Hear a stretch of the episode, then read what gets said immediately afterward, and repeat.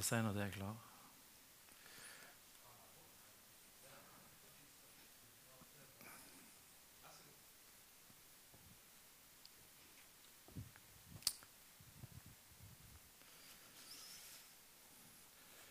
Hei. Mitt navn er Kurt Jonny Haaland, og jeg skal være med og dele Guds ord med dere i dag på denne palmesøndagen. Og det har jeg meg til. Eh, vi som menighet i Betania vi har en visjon. Og Visjonen sier det at vi skal gjøre Jesus kjent for alle mennesker og gjøre dem til hans etterfølgere. Hvorfor tror du at vi har en sånn visjon? Jo, det er fordi vi tror at livet med Jesus, med Gud som vår far, er det beste livet for oss alle. Derfor ønsker vi å gjøre han kjent. Derfor ønsker vi at, at menneskene skal få lov til å se og lære å kjenne hvem han er. Og Det er en utfordring til dere som tilhører menigheten, og det er en utfordring til dere som kaller dere for kristne generelt. Og Så har vi denne visjonen, men så har vi òg noen sånn underverdier eh, som ligger der. Og Det er mangfold, det er kjærlighet, det er glede, det er ekthet, og det er ærlighet. Og Nå har jeg har vært med eh, tidligere i år og hatt dette her som en liten serie. Så jeg har hatt tidligere om mangfold og om kjærlighet. Og i dag hadde jeg tenkt jeg skulle ha om glede. Nå er det ikke sånn som i en serie at du må liksom ha episode 1 og 2 for å kunne se episode 3. For denne her står helt for seg sjøl. Så jeg håper det at det skal være noe som kan gi deg glede og gi deg oppmuntring i din hverdag. Og hva er glede? Jo, glede det er begeistring, det er lovprisning, og det er òg inspirasjon. Håper at mine ord i dag skal få lov å være med og inspirere deg eh, i din hverdag. Og så har jeg tenkt litt grann, i denne tida som jeg lever i. Går det an å snakke om glede? Kan vi i disse koronatidene snakke om at eh, vi kan ha, det, ha glede selv om det er så mye alvor rundt dere. Og jeg hadde tenkt det, kanskje, kanskje ikke. Kanskje det var dumt å ta opp dette temaet igjen. Men nå hadde jeg sagt det tidligere at jeg skulle fortsette med denne serien. så tenkte jeg, jeg gjør det allikevel. For er det kanskje noe vi trenger i dag, så er det i alle fall glede.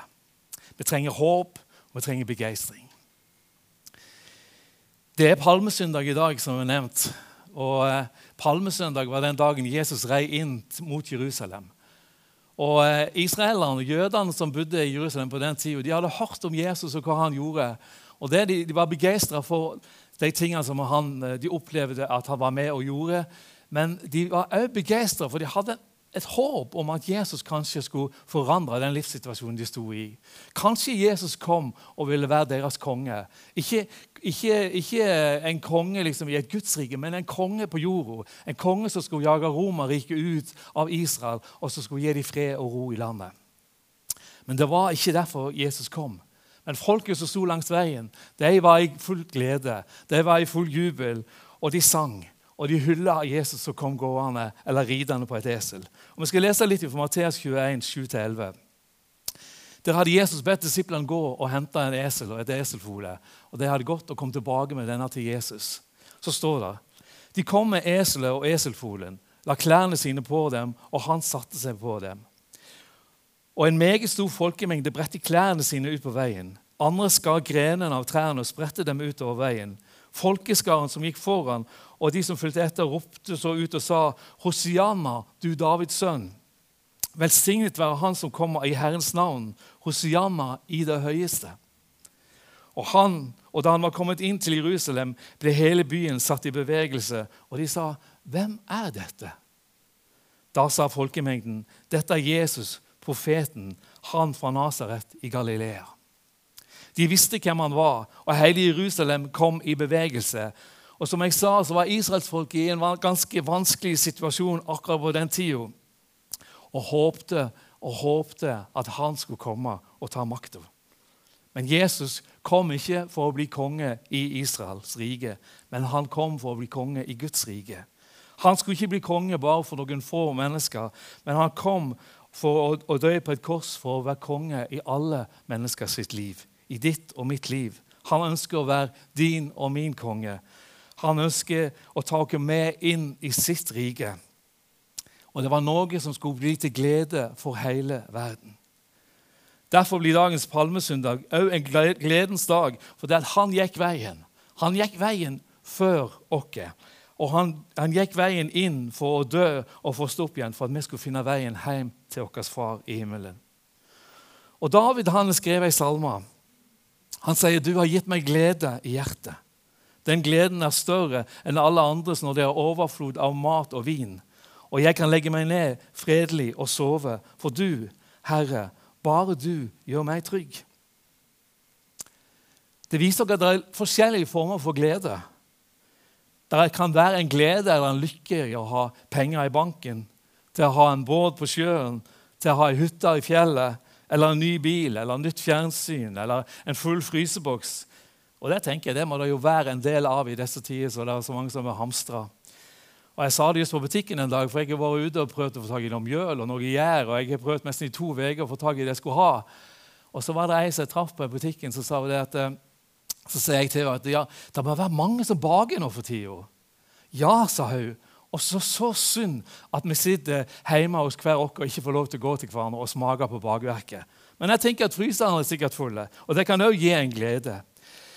Og All overflod av materielle ting kan være med og gi glede i livet og tilfredshet. Men David han snakker om en glede som kommer innenfra, fra hjertet. Og Den gleden er ikke avhengig av vår livssituasjon, men den er avhengig av ditt og mitt forhold til Gud. Vi kan miste alt vi har her i livet, men gleden og freden som gjør at vi kan legge oss ned fredelig og sove, som David sier, fordi vi er trygge, den freden kan bare Gud gi. Og fellesskapet med Gud gir oss glede i hjertet. Derfor ønsker vi at Betania skal være en sånn plass der det er mye glede, der det er fellesskap, der det er latter, og der det er lovprisning. De siste prekenene som jeg har hatt, har jeg starta opp med en vits eller to. Og noen sier er det noen vits i det. Ja, det er en vits. Men eh, for det er godt å le i hop. Det er godt å kjenne at det gjør noe med oss, og det frigjør noe. Men i dag er det ingen vits her på Betania, tenker jeg. Og for jeg får ikke noen respons fra salen, siden det ikke er noen her. Men jeg tenker at vi skal spare den vitsen til vi samles igjen fysisk alle sammen.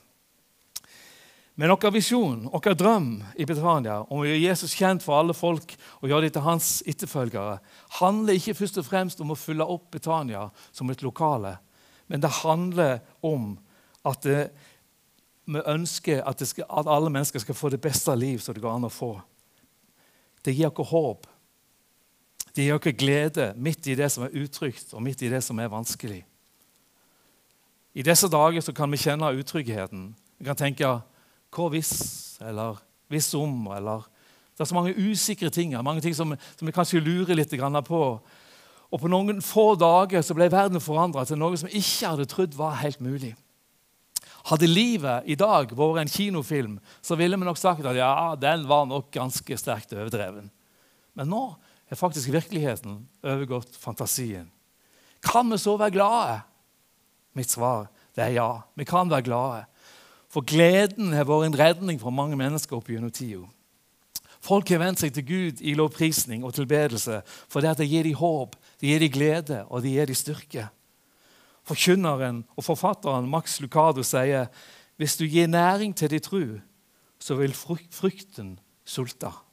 Men hvis du mater frukten din, så vil trua din sulte. Altså, du må velge hva i livet ditt du vil gi næring til og mate det som er positivt, og sulter ut det som er negativt.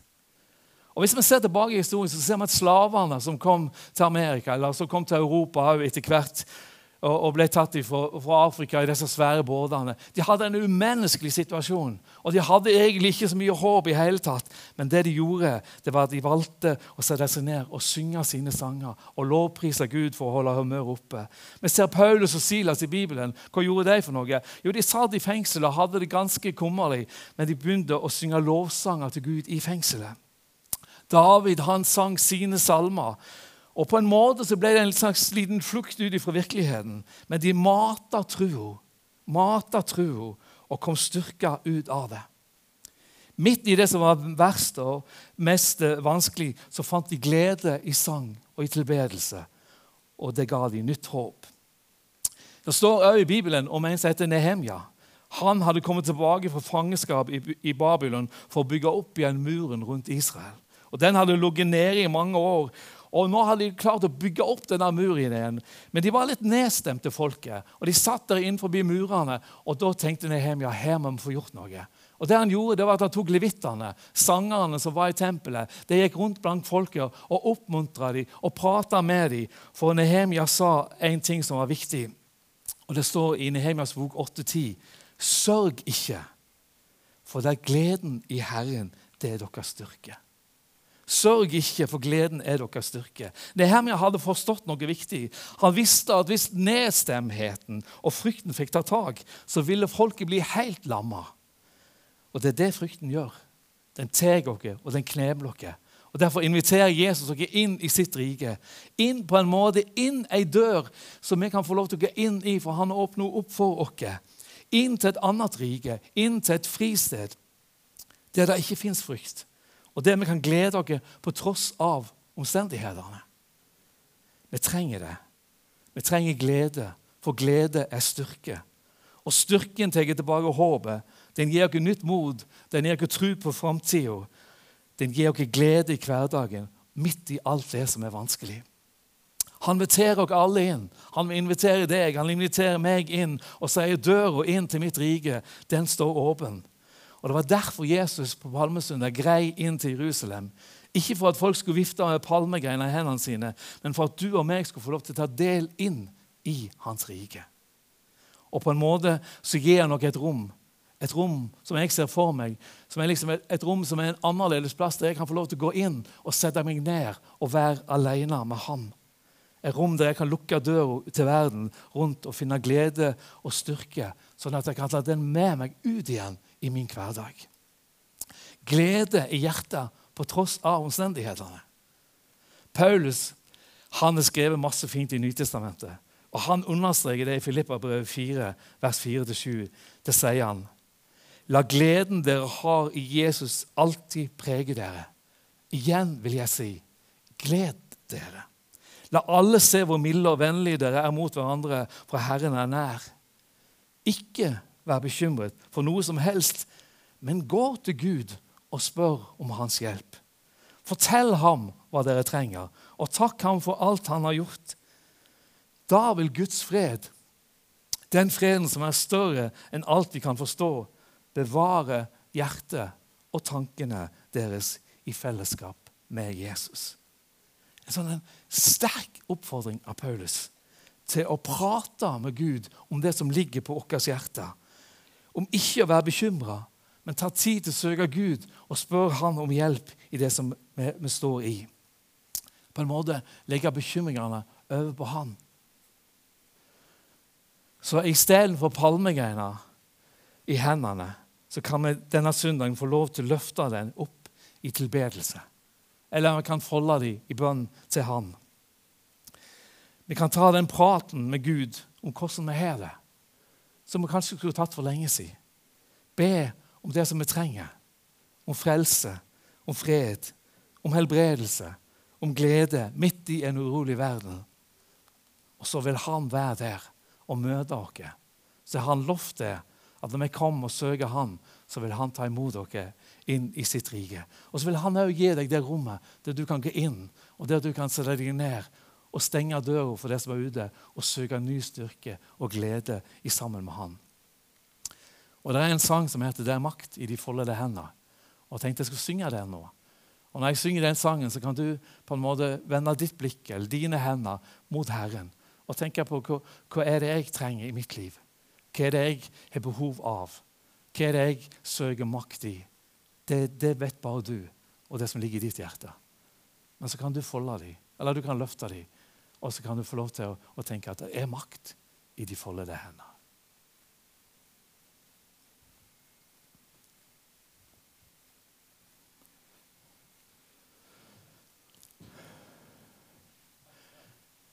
Skal jeg ta